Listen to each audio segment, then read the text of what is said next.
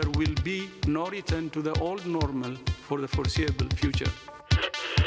Der er ingen grund til at hamstre hverken rugbrød eller toiletpapir.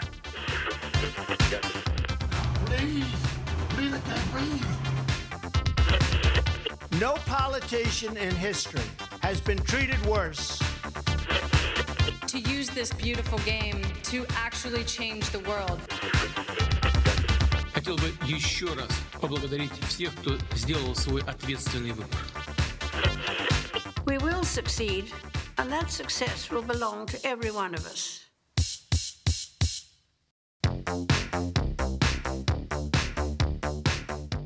Góðan dag, kæra hlustendur, þeir eru að hlusta á heimskviður. Ég heiti Guðmundur Björn Þorbjörnsson. Og ég heiti Birta Björnsdóttir. Í heimskviðum er fjallað um það sem gerist ekki á Íslandi.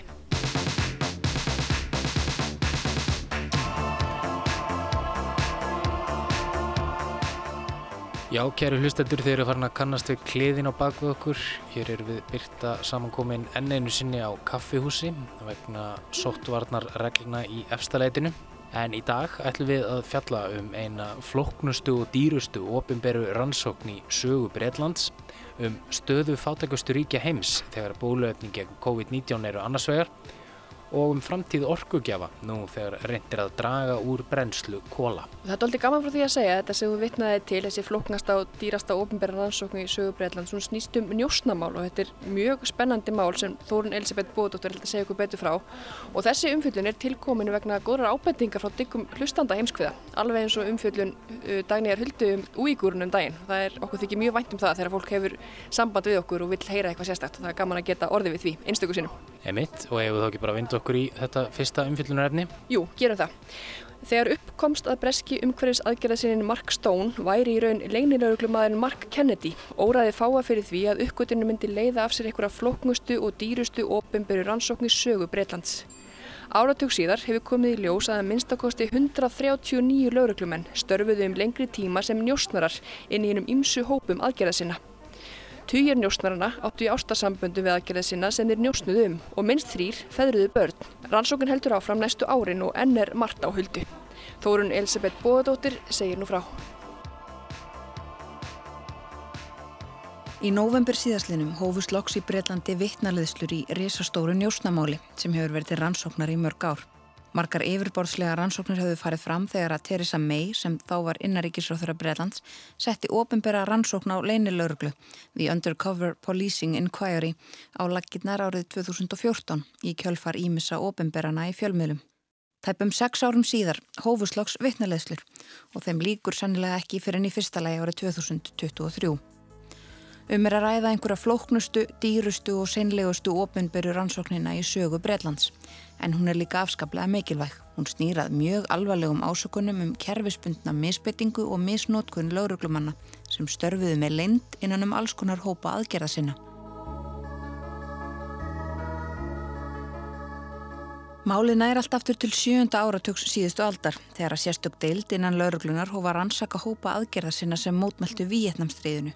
Deildin þróaðist úti í að fylgjast með fjölbreyttum pólitískum hópum og reyfingum sem trúða á ymsa málstaði. Flestir hópana voru til vinstri í stjórnmálaskoðunum. Önnur njósnadeild starfaði með sveipuðum hætti, aðalega utan London. Báðar deildirnar hafa nú verið listar upp.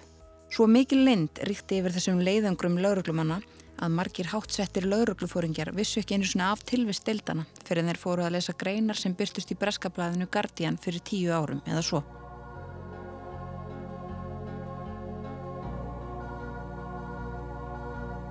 Í ljós hefur komið að minnst 139 lauruglumenn hafa tekið þátt í aðgerðum af þessu tægi allt frá árinu 1968. Þeir njósnuðu um fólki um þúsund hópum sem snýrum að gera umhverfisvend, dýravernd, kynþátt á kynjæjabretti, verkalýsbaróttu og fleiru. Rúmlega 200 manns eru beinir aðilar að málinu. Uppaf þessara uppljóstrana má reykja til konu sem í fjölmjölum hefur gengið undir dullnefninu Lisa Jones. Árið 2010 var hún á ferðalagi á Ítalíu með kærasta sínum til 6 ára, Mark Stone. Þau voru bæði aðgerðasinnar í umhverjusvendarhefingu. Mark hafði farið í hjólatúr og Lísa varð eftir. Hún fór í bílinn þeirra til að leita solgleirugunum sínum og fann vegabref Mark. Nafnið á vegabrefinu var hins var ekki Mark Stone, heldur Mark Kennedy. Í kjölfarið fór hún í símanans sem líka var í bílnum og fann þar skilaboð frá tveimur börnum sem kölluðan pappa.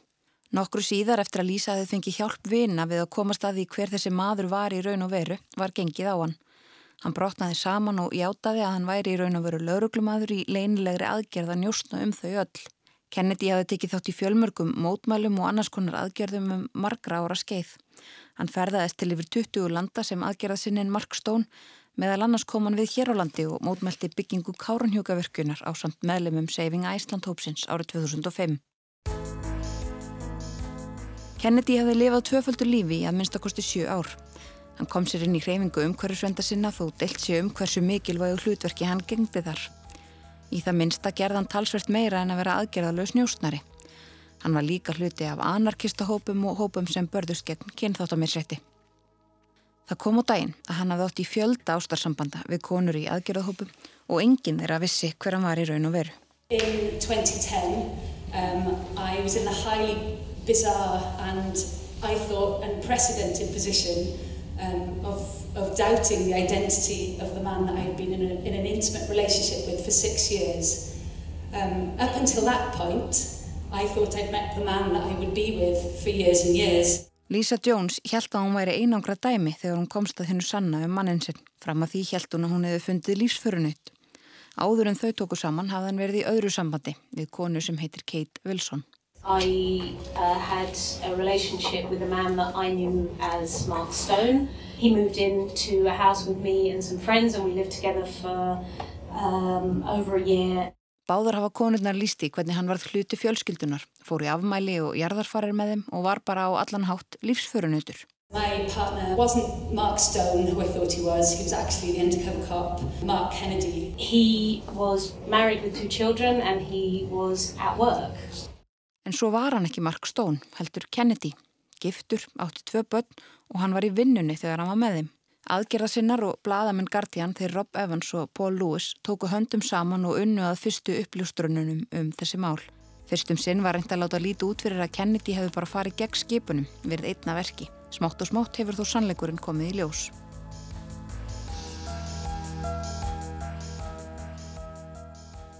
Thanks in large part to the courage and tenacity of these women in bringing these matters to light, it has become apparent that some officers, acting undercover while seeking to infiltrate protest groups, entered into long-term intimate sexual relationships with women, which were abusive, deceitful, manipulative and wrong. I acknowledge that these relationships were a violation of the women's human rights, an abuse of police power and caused significant trauma. I unreservedly apologise on behalf of the Metropolitan Police Service. Árið 2015 var samið við fyrstu konurnar sem komu fram, áttatalsins. Frá því var greint með yfirlýsingu lauruglunar og Martin Hewitt, aðstóðar lauruglustjóri hjá Metropolitan lauruglunni, bað konurnar afsökunar. Hann sagði að það er miklu leiti hugur ekki kvennana að þakka að málið kom fyrir sjónir almennings og lauruglunar. Konurnar hafi með þessu verið misnotaðar, þær sviknar og sambundin hafi verið raung. Þetta hafi broti gegn mannreftindum þeirra hafi falið í sér misbettingu á laurugluvaldi og valdið áföllum. Hann bað konurnar innilega afsökunar fyrir hönd lauruglunar. The Metropolitan Police recognises that this should never happen again and the necessary steps must be taken to ensure that it does not. Undercover policing is a lawful and important tactic but it must never be abused. Hewitt saði laurugluna viðukenna að svona laga mætti aldrei endur taka sig og að stíga er því nöðsynleg skref til þess að tryggja það. Það væri löglegt og mikilvægt að lauruglan gæti starfað í leini en aldrei mætti misnota slíkar aðgerðir.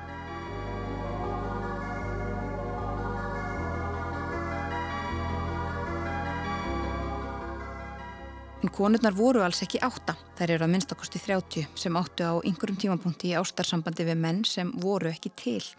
Heldur voru bara tilbúningur leinilauruglumanana sem leku þá og yfirmanna þeirra. I didn't even know his name. The person I thought I'd been in a relationship was actually a fictional character that had been constructed between him and his employers, the Metropolitan Police. Þessi kona gengur undir nafninu Alison. Hún átti í sambandi við annan mann, Mark Cassidy, í fem ár. Þau byggu saman þangað til hann kvarf úr lífennar. Hún lýsir því hvernig áhrif slík reynsla hafði á hana. I had a relationship with a man I knew as Mark Cassidy um, for five years and we lived together. Mark disappeared from my life 16 years ago and the damage that I experienced and the acute paranoia that I experienced for many, many years has subsided now but is still there. Flestar eru konurnar sammála um að sveikin séu ólýsanleg. Þessir menn hurfu yfirleitt sporlaust úr lífið þeirra oft eftir að hafa gert sér upp andleg veikindi. Stundum sendu þeir postkort frá útlöndum og söðust vera fluttir en oft leituðu konurnar að svörum í mörg ár. Að minnstakosti þrjú börn fættust inn í svona sambönd.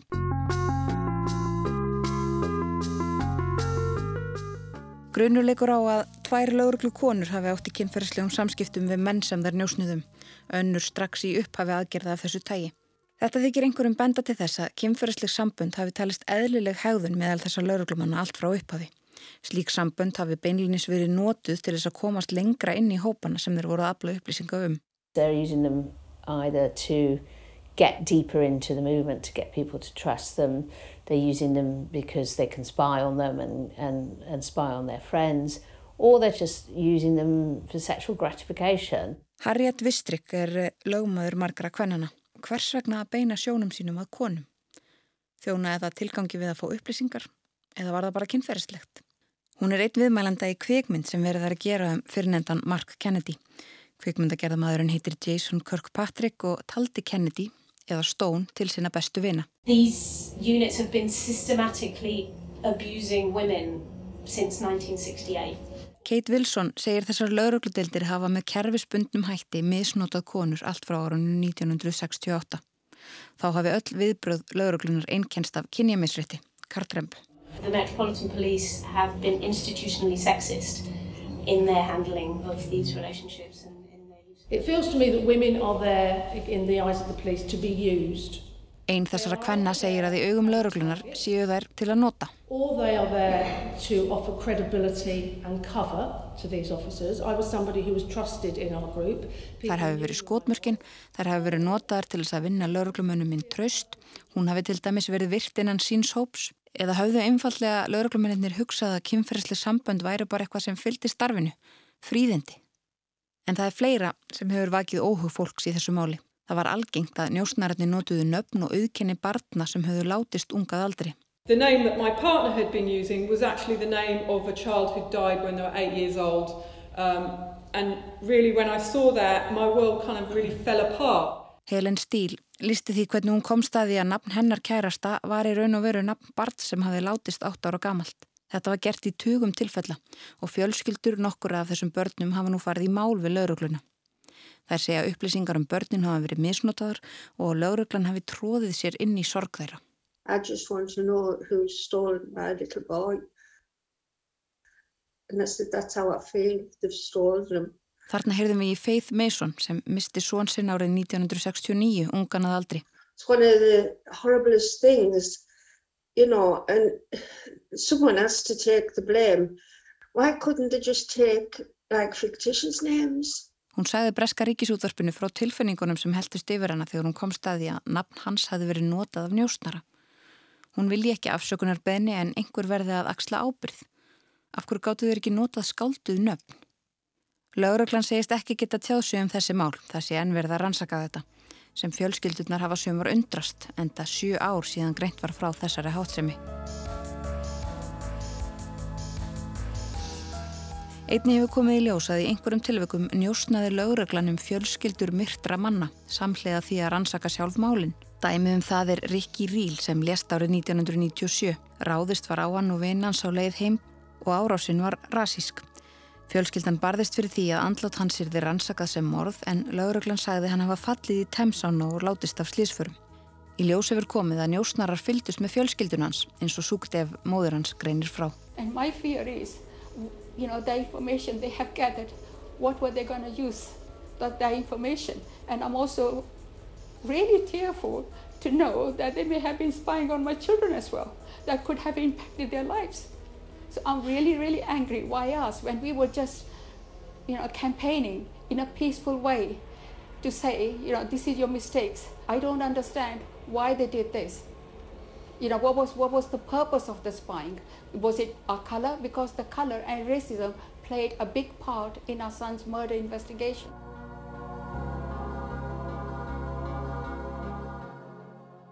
Annar ungur maður, Stephen Lawrence, var stungin til bana árið 1993.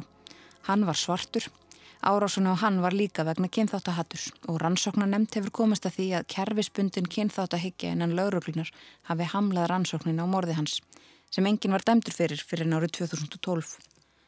Þá hefur líka komið í ljós að njóstna var um foreldra hans þegar þau reynda að fá morðið á síni sínum rannsakað. Það var eftir þetta mál sem Theresa May ákvaða að njóstnamálinn skildur rannsókuð almennilega. Fyrir rannsókninni fer Sir John Mitting, dómari á eftirlaunum. Undir honum starfa um 90 manns. Rannsóknin beinist sérstaklega að þessum tveimur dildum leinilörglumanna en heimild er til að rannsaka annað sem upp kemur. Það á að rannsaka hversu miklu leinilörgluverkefni af þessu tægi hafi raunverulega skilað þegar kemur á því að takast á við glæpi. Þá líka að skoða hvernig þessu hefur verið stjórnað og fylst hefur verið með framferði lauruglumanna og áhrifin á bæði lauruglumennina og þá sem þeir hafa átt í samskiptum við. Rannsóknin er ekki óumdelt og framkvæmt vittnaleðslana sem hófust í november ekki heldur. Ekkert lifandi streymi hefur verið frá vittnaleðslunum og vegna COVID-19 má almenningur ekki heldur mæta á staðin og fylgjast með. Eftirrit af vittnaleðslunum er gert ofinbært en ekki í rauntíma. Þá var ákveðið að allir sem hluti egaða máli geti óskað eftir naflind og margir hafa fengið slíkar beðinir samþugtar. Raunveruleg nöfn 119 einstaklinga verða ekki gerðu ofinbör og ekki heldur 51 gerfinafn lauruglumanna. Margir eru ósáttur við þetta. Meðan gerfinöfnin er ekki þekkt þá er ekki hægt að vita hversu útbreytt þetta var. Have to have the cover names released so that the true extent of these abuses can be seen. Um, because ultimately what we want to do is to make sure that these abuses never happen to anybody else again. There are many, many women and other people who will have been spied on who don't know. And unless we are told the cover names of the officers in these squads, then we're not going to know the scale of these deployments. And that for me is essential. Konurnar sem voru í ástarsamböndum við njósnara segast ennþá engin sögur hafa fengið við því hvers vegna þetta fekk að viðgangast. We still have no answers to why this abusive behaviour was allowed to happen. We've had absolutely no disclosure. One of the things I want answers to is, is who knew, who authorised it, why was he in my life, and who else has been affected. Það er sameinlegt með mörgu þessu fólki sem tilur laurugluna hafa brotið á sér. Hvers vegna? Hvers vegna þau og hvers vegna svona? Fólki sem rætt hefur verið um í þessum pysli var upp til hópa fremur friðisamlegt. Þetta er það ekki algilt og líka hefur verið njósnað um annars konar hópa á þessu tímabili og komið í veg fyrir glæpi. Kate Wilson, einn kvennana sem átti í sambandi við Mark Kennedy, segir að lauruglumennum hafi verið tíðrættu um að þau varu vinstri öfgasinnar. Fyrir utan þessa trú lauruglumennana á því að þau væru öfgasinnar þá var fátt, segir hún, sem bendir til þess að raunveruleg glæbaransókn hafi farið fram. Þetta voru bara pólitískar njósnir eitthvað sem fólk hefði haldið að gerðist bara í austur Þýskalandi en ekki Breitlandi. They called us left-wing extremists um, and they used the word extremist over and over and over again. Um, but there's very little indication apart from their belief that our beliefs were extreme that there was any criminal investigation going on. This was this was um, it was political policing. I mean, it was straight out of um, East Germany, it, like, except that here we have this idea that that's not something that our state does. Rannsókninni er langt frá því að vera lokið. Vittnaleðslunar sem búnar eru snúast bara um allra fyrstu árin, allt hitt er eftir. Og sem fyrir segir stendur þetta líklega til ársins 2023. Undafarið hefur verið reynd að skýra lagagrundvöldin fyrir njóstnum og leinilauruglu aðgerðum en frumvarpið hefur valdið töluverðum deilum í Brellandi. Yfirmenn lauruglunar hafa verið spurðir hvort svipaðar aðferðir séu áfram notaðar til að njóstna um pólitíska aðgerða sinna þrátt fyrir að deildirnar allræmdu hafi verið listar upp. Þeir neyta að segja til um það.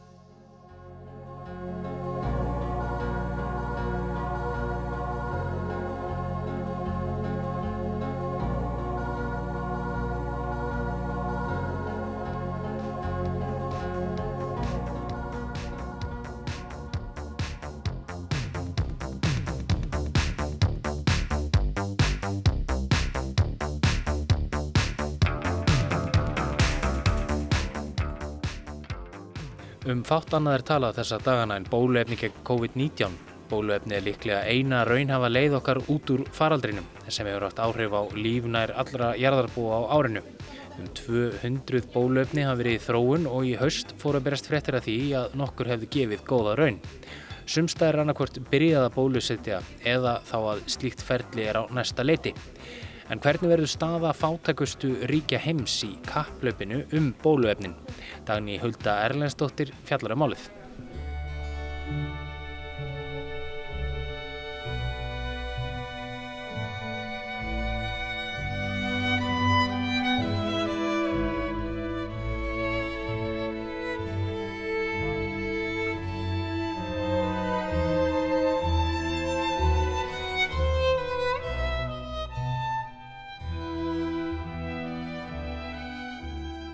Gleðjumst eflaust flest yfir fréttum af því að bólusetning sé í nánt. Efna meiri ríki heimsins hafa mörg hver tryggt sér samninga um kaup á bóluefni. Hér á Íslandi fáum við að fljóta með Evrópusambandinu í kapplaupinu og stjórnvöld hafa tilkynnt að bólusetning hefjist eftir áramót og taki líklega aðeins nokkra daga gangi alltaf óskum.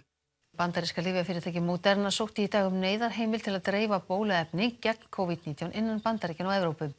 Stemt er að því að bólusetja 75% þjóðarinnar við COVID-19 eða um 275.000 manns. Heilbyrðisráð þeirra sagði á alþingi nú rétt fyrir fréttir að skrifa þeirrið undir samning Íslands um kaup á bóluefni frá Pfizer í næstu viku. Evrópusambandið hefur tryggt sér bóluefni frá bandaríska lifjaframleðandunum Moderna en prófanir benda til að það veitum 95% vörd gegn veirunni. Mentamálar á þeirra Breitlands segir þá hafa verið fyrsta til að staðfesta bóluefni gegn COVID-19 Bólusetning forgangshópa hófst í Breitlandi í vikunni og í Rúslandi um síðustu helgi.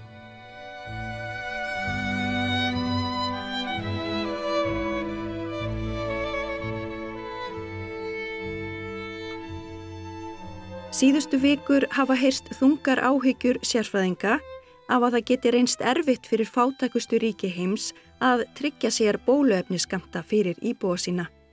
Hvernig eiga ríki eins og Jemen, Afganistan og Eþjópia að kaupa bóluefni? Erlendir miðlar kalla stöðuna sem upp er komin stundum bólusetningar þjóðverðnisíkju en vísbendingar eru um að hún hafi látið á sér kræla. Hún felur í sér að stjórnvöld sumra ríkja, oft auðugra ríkja, hugsi aðeins um sína þegna þegar kemur að því að dreifa bóluefni. Sérfræðingar við Duke Háskóla í Norður Karolínu í Bandaríkunum hafa gert viðamikla útækt á stöðunni. Í henni kemur fram að líklega verði ekki hægt að klára að bólusetja alla jarðarbúa fyrir nárið 2023 eða 2024.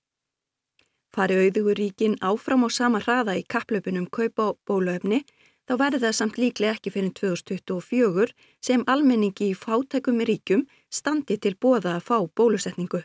Ekkert þeirra ríkja sem eru í flokki fátækustu ríkja heims hefur tryggt sér bóluefni fyrir alla landsmenn sína.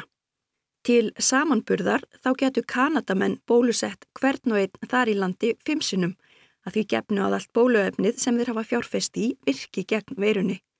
Í bandaríkunum væri hægt að bólusetja hvern og einn tvísvarsinum. Það er verið að þróa um 200 gerðir bóluefna víða um heim en alls óvist að þau rati öll á markað.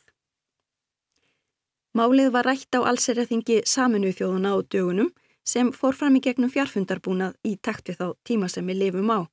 Þar kvatti Angela Merkel, kanslari Þískalands, ríki heims til að gleima ekki sínu minsta bróður. Merkel sagði að mætti aldrei gleima því að aðeins væri hægt að yfirstiga faraldurinn ef allir jarðarbúar hefðu jafnan aðgangað bóluefni. Það kallaði á mjög nána alþjóðlega samvinnu og sterkar alþjóðastofnanir. Til að fræðast nánarum stöðumála heyrði heimskviður í Margaret Ann Harris, talsmanni alþjóða heilbriðismálastofnunarinnar. Hún er nokkuð bjartsinum stöðuna þegar kemur að bólusetningu í fátækum ríkjum. Úrlösnarefnin séu þó fjölmörg og þar á meðal að útvega bóluefnin. And we also set up a mechanism where wealthy countries will pay the full price, but they will support the poorer countries so that they won't have to pay enormous amounts of money in order to get access to those vaccines. So the whole purpose... Harris nefnir COVAX, viðtækt samstarf sem nær til fjölda ríkja fyrirtækja og stopnana. Meðal markmiða með COVAX er að efnuð ríki stiðji fátækríki svo þau þurfi ekki að reyða fram fúlgur fjár fyrir bóluefnin. þá segir hún að markmiði sé að öll ríkin sem eigi aðild fái bóluefni á sama tíma í byrjun næsta árs. Mörg auðu ríki eiga bæði aðilda COVAX og hafa líka ímist á eigin vegum eða í gegnum annars konar ríkjasamstarf tryggt sér bóluefni. Markmiðið er að dreifa tveimur miljardum skamta í gegnum COVAX fyrir lok næsta árs handa fólki í áhættuhópu. Til lengri tíma er stemtaði að 20% jarðarbúar fái bólusetningu í gegnum samstarfið. Ísland eins og hinn Norðurlöndin er með í samstarfinu og í haust var tilkynnt að Íslenska ríkið myndi leggja til fjö fyrir 100.000 skömmtum.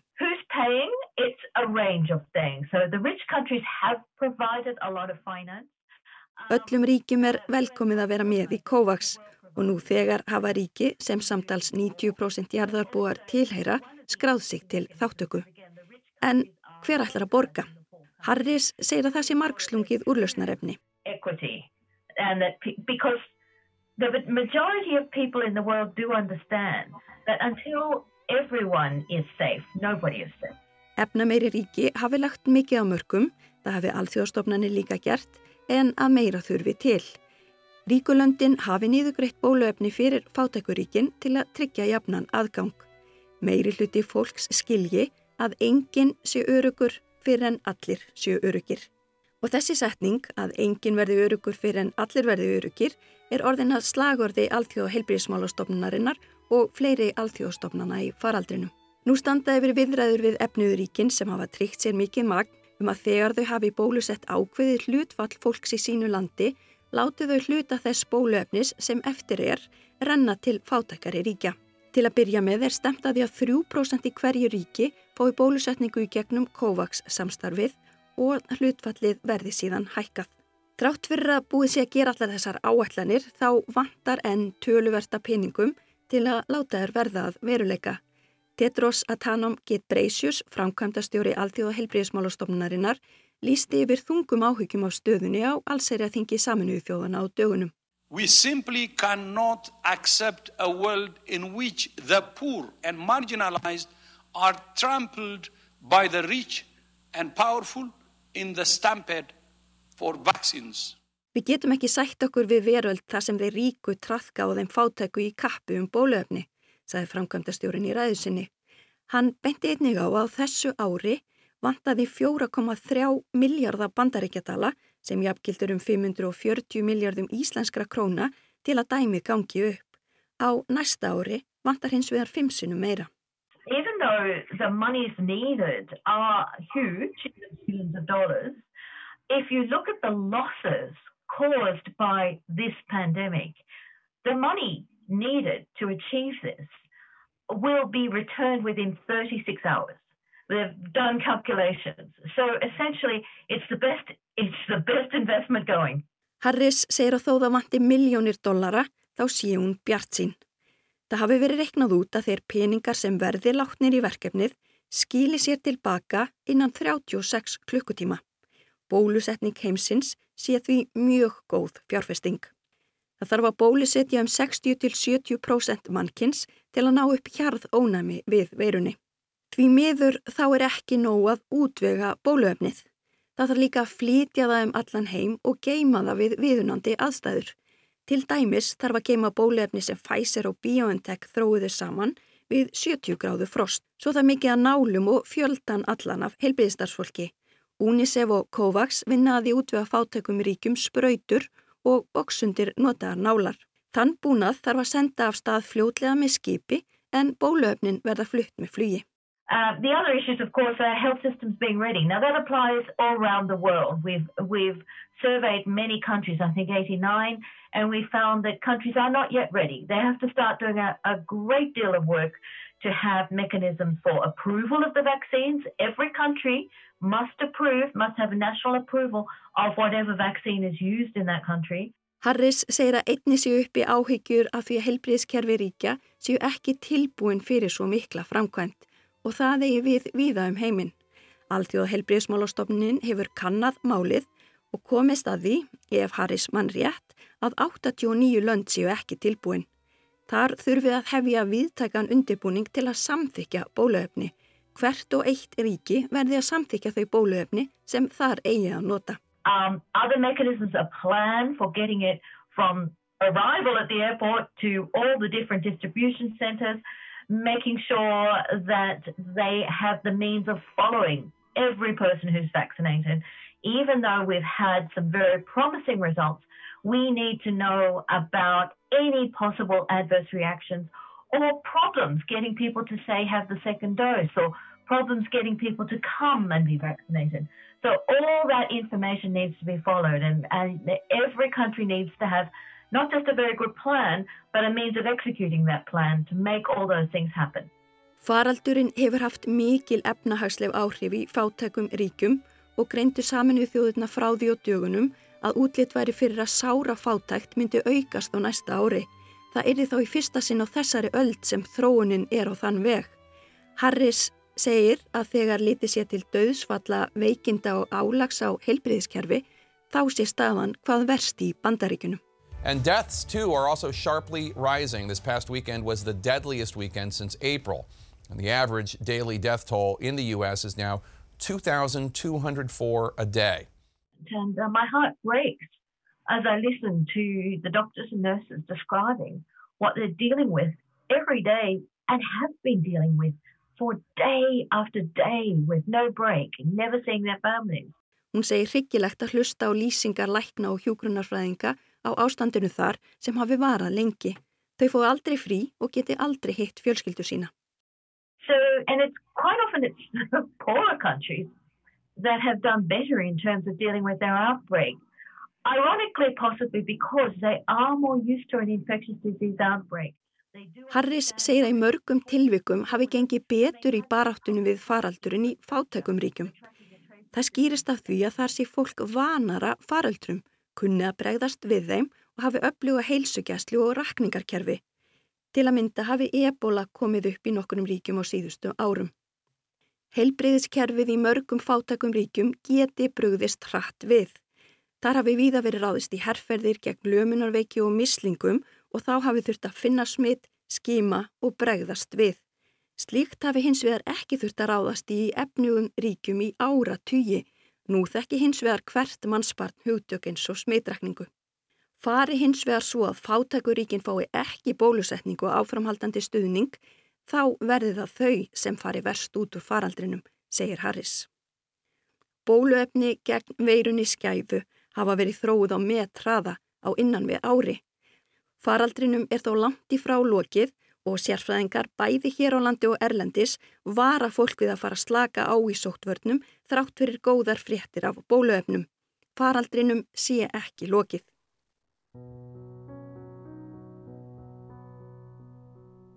Harris er með mikilvæg skilabót til okkar allra fyrir jólaháttíðina sem hún segir að verði líklega erfið fyrir mörg okkar í ár þar sem fólk er vant að hittast, eiga góða stundir saman og fagna. Celebrate getting as far as we've got by protecting each other. Show your love for each other by not gathering in crowds, not gathering in close contact so that next year you can look at those people you love and say, we saved each other and make Christmas 2021 a really great time.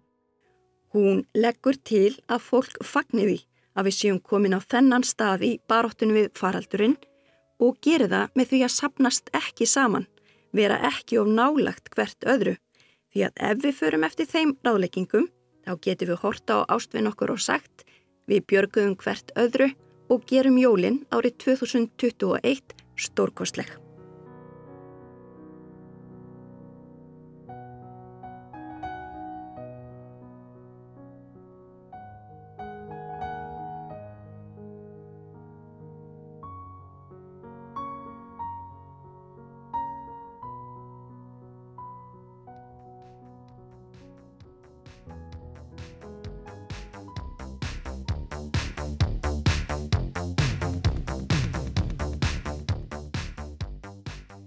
Engin af orkugjöfu mannkins mengar jafn mikið og kól.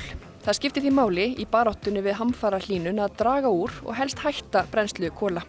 En hvernig gengur það og getur alþjóðleg samvinna í baráttunni kórnveruna vísa veginn? Bói Ágússon tekur nú við og ræðir við Haldur Þorgirsson, formann Loftslasráðs.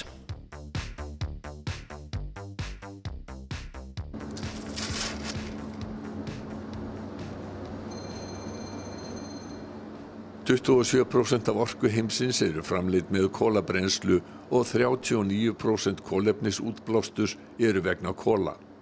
Mannkinnið hefur notað kól frá örofi alda en kólanótkun jógst gríðarlega í innbyltingunni.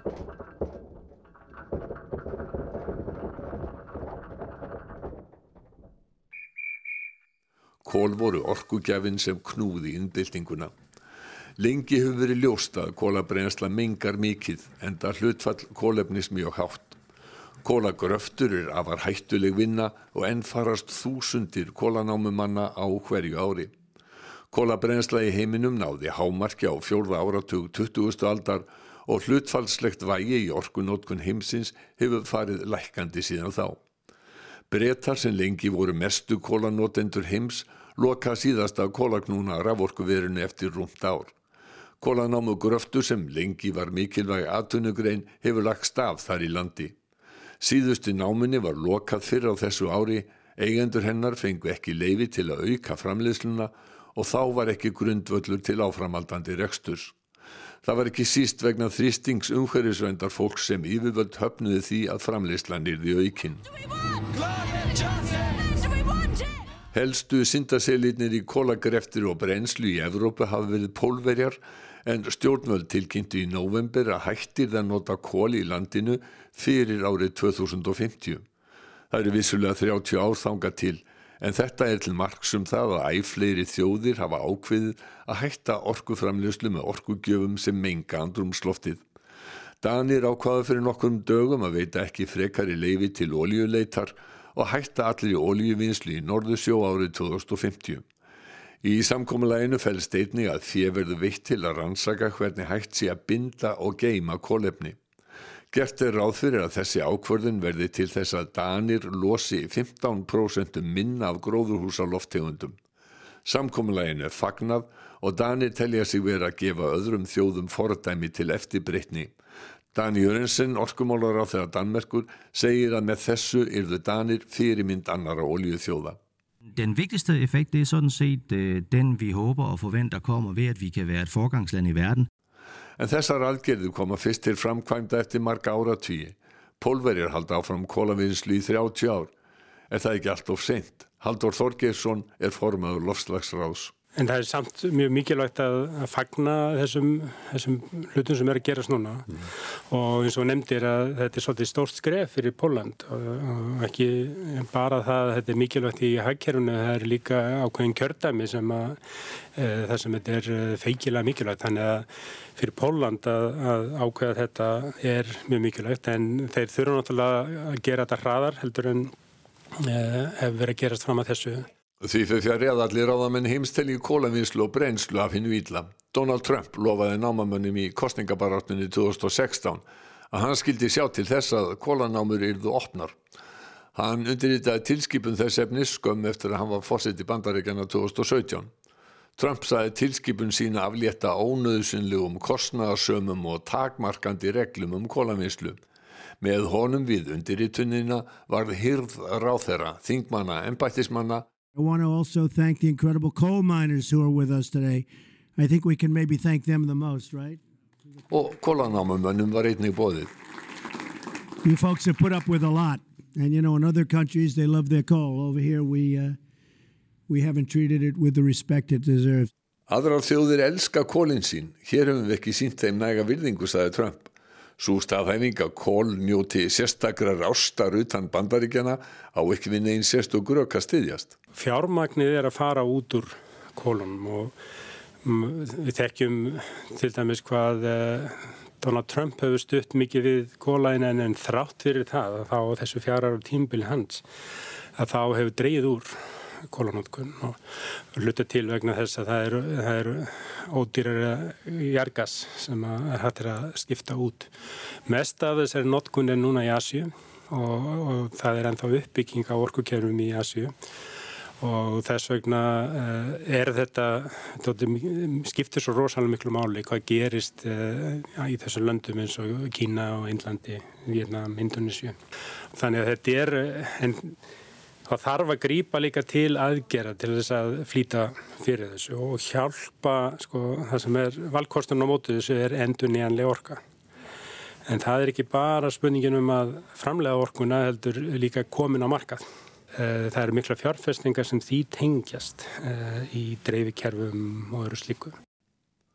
Margvísleg alþjóðleg samvinna hefur nú orðið til þess að bóluefni hefur verið þróað gegn koronavirunni og það fleira en eitt. Kanski er eh, svo samvinna að einhverju leiti fyrirmynd fyrir samvinnu ríkja og vísindamanna í eh, lofslagsmálum. Já, og ekki síst vegna þess að þetta er svo svipað á margan hátt. Eh, þetta er viðfarsefnið þar sem að það þarf vel að svo margt að gerast samtímis. Eh, það þarf líka að byggja þetta mjög mikið á vísundum og, og, og að svona horfast í augu við staðrindir og það er umlað þaðan sem sko raunveruleg fórust á ábyrg byggist á því að, að horfast í augu við staðrindir og gera svo það sem er í e, öllum fyrir bestu, bæði núverandi og, komandi kynnslóðan og þannig ég tek alveg undir það en líka tengt COVID að þá eru fyrirsjánlegar og það eru þegar farnarist af stað mjög miklar fjárfestingar. Og það má raunverulega segja að þessi toppur í fjárfestingum sem núna er að fara í gang verður uh, mikið úrslita tími. Vegna þess að við fáum ekki svona stóran topp alveg strax aftur. Og þess vegna eh, er feikilega mikilvægt að, að það, því verði beint í uh, græna uppbyggingu Uh, og, og tækið farið verði nýtt til þess að, að færa uh, ríki yfir á, á reyna vakstabröð. Það virðist vera pólitískur vilji meðal flestara ríkistjórna heims að takast á við lofslagslínun. Já, og þetta er ákveðin myndbyrting á svona þessu, þessari nálgun í Parísarsamningnum sem að snýst um það að horfa, að horfa til lengri tíma og eina leiðin til að stöðva eða halda aftur á röskum uh, veðrakerfisins er að ná aftur jafnvægi uh, í losun og, og, og bindingu á nattrænt og þetta hefur verið kallað líka kólumnins hlutleysi. Mm. Þannig að kólumnins hlutleysi er að fara að hafa áhrif núna sem stýri uh, í hugsuninni og þegar maður hugsaður þannig að þá sér maður strax að það er ekki pláss fyrir svona orkugjafa eins og kól til dæmis og jarðefnæðisniti almennt. Mm. En þetta er líka heilbreyðismál og mér finnst það mjög sláandi í skoðaði nýlega eh, tölu frá alltíða heilbreyðismálstofnun sem að við þekkjum töluna frá þeim um COVID en það eru um fjórar miljónir mann sem að hafa dáið eh, á tímabærum dauða vegna loftmengunar eh, fyrir utan, utan hús og annað eins sem er að deyja á hverju ári vegna loftmengunar innan hús. Við getum talað um þetta sem faraldur já, sem að hægt er að bera saman við koronaviru faraldurinn. Nákvæmlega. Og, og, og þetta eru hærri tölurinnar. Akkurat.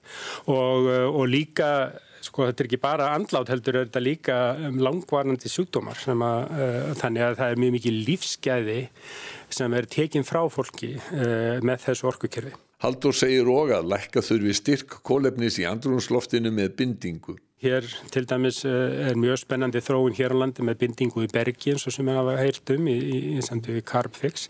Það verkefni hefur vakið aðtikli og nýlega fjallaði sænska ríkisjónvarpið um kólefnisbindingu í bergi á Íslandi. Carbfix is the method of capturing CO2 and turning it into stone. It's magic, but it's magic that already occurs in nature. Þetta var dr. Sandra Snæbjörnsdóttir að lýsa því að binding koldioxís gerist í náttúrunni. Carbix verkefnið gengur út á að binda koldioxíði í steindum í bergi og eins og segir í kynningu á vefsíðu orkuveitur Reykjavíkur. Á undanförnum árum hefur vísindafólki Carbfix tekist að bestla þetta náttúrulega ferli kólefnisbindingar en Carbfix fangar koldjóksið og aðrar vassleysanlegar gastegundir eins og brennistensvetni úr útblæstri og bindur í steindir í bergi á umhverfisvænan og arðbæran hátt. Haldur Þorgesson segir að mikið af þessu geti gerst í lífríkinu. Og það hefur líka mjög marga aðra kosti endur heimt vistkerfa um, um, mun fela í sér að mjög mikið kólefni fyrir aftur inn í vistkerfi bæði jarveg og, og, og gróður. Erum við þá að tala um svona aðgerði eins og að fylla upp í skurði? Já, sko að fylla upp í skurði hér er, er umlega aðgerði þess að koma í veg fyrir losun vegna þess að við erum að losa kólefni með því að ræsa fram uh, en uh, það er mjög mikilvægt að stöðva það uh, en það er líka mikið mikil skórækt, umfóðsmikil skórækt sem að bindur bæði kólefni í trjáviði og nýjanjalar og síðan landgræsla sem er mjög mikilvæg aðgerð. Þannig að það er svo margt sem tengist landinu sem er hluta lausninni. Í umfjöllun Sænska ríkisjónasins segir að pólska stjórnin telji að Evrópusambandi sé að neyða pólverja til að hætta kólavinslu og að þeir ætla að reysa kjarnorkuveri í stað kólaorkuvera. För den polska regeringen har bestämt att nu när man tycker att EU tvingar dem att avveckla kolkraften så är det kärnkraften som är den självklara ersättaren. I Polen är det þeir att eh, framleiða eh, raforku með kjarnorku í og það eru nú ýmsir umhverjusvenda sinna sem eru ekkert sérstaklega hrifnir af því. En hvað má segja um kjarnorku sem umhverjusvænan kost? Sko það er engin, uh, það er engin uh, lausn algjörlega án hliðaverkana og uh, ef maður horfir engunga á þetta út frá lofslagsmarkmiðum að þá er nútímað kjarnorku er áhugaverðu kostur. Uh, en það er líka mjög, en það skiptir mjög miklu máli hvernig það er gert, en það hefur bara reynst mjög dýrt, þannig að það hefur þess vegna gerst hægar heldur en uh, með náttúruna á sérstaklega í Európu. Kína er hins vegar að byggja mjög mikið upp uh, af, af kjarnorkuverum. Þannig að sko út frá lofslagsjónumöðinu þá er, er okkur ekki stætt á því að, að segja að kjarnorka kom ekki til greina. Vilja til baráttu gegn hamfara hlínun má sjá víða. Seðlabankar 77 ríkja hafa með sér eins konar umhverfisklub sem vinnur að því að þjóðir heims standi við Parísarsamkómalagið. Þannig að því að fyrirtæki sem fá stuðning vegna skakkafalla í COVID-19 kreppunni þurfi að uppfylla kröfur um sjálfbæran rekstur. Þetta er mjög, þetta er mjög mikilvægt og mjög jákvæð þróun og, og, og, og kannski í, í svipaða átt er, eh, er samstarf uh, fyrirtækja sem að veita upplýsingar um fjárfestingakosti og eru að miðla á verfiðamörkum er að kalla eftir meiri gagsægi á upplýsingum um kólefnins áhættu. Þannig að þegar að ráðist er í fjárfestingar að þá sé auðveldara fyrir greinendur á fjárfestingar kostum að sjá þessar tölur og skilja þær og uh, Mark Carney sem var sælabankastöru í Breitlands til skamstíma og er núna eh, komin í undurbúninga lofslagsrástefnu saminuði þjóna sem verður í Glasgow í november hefur verið mikill frumkvöld á þessu sviðu, reyndar með Michael Bloomberg mm -hmm. þannig að þetta snýst svolítið mikið um þetta gagsægi, þannig að þú getur því að stofnarnafjárfestingur og langtímafjárfestar, þeir eru þegar komin í 2030, þeir eru þeir eru að hugsa til lengri tíma. Og, og það er mjög mikil hætta á því að það verði meira átt að kulnun í hagkerfinu ef að þarf að afskrifa mjög mikið á fjárfestingum. Ef að menn halda áfram á sumu braut og er að fjárfesta í kostum sem ekki bera arð til langstíma að þá, uh, þá mun það uh, valda röskun. Og þess vegna er svo mikilvægt að flítja þetta fjármagn jæft og þétt út úr uh, jarðefna elsnitis hagkerfinu. Það er umlega, uh, kólefnis slutlust hagkerfi er umlega eina hagkerfi sem verður til bóða til framtíðar. Samkvæmt grein í vísindatímaritinu Science er kostnaði við aðgerðir til að halda hlínun innan við heina og halva gráðu helmingur þess sem þjóðir heims hafa þegar varið til varnar gegn koronavirunni. Þetta eru varla óviðræðanlegar upphæðir. Þetta er alls ekki óverðanlegur upphærið og það er líka þegar mann horfður til dæmis á innviða uppbyggingu þá hefur það verið skoðað menn að borið saman tvær sviðsmyndir að byggja upp innviði án þess að taka tillit til lofslagsmála og að byggja það upp með tillit til lofslagsmála að munurinn á þessu tvennu er innan við 10% og þá er ekki búið að reikna sér til tekna eh, minni skada af völdum vandamálsins. Þannig að raunlega dýrasta eh, aðgerðin er aðgerðarleysi.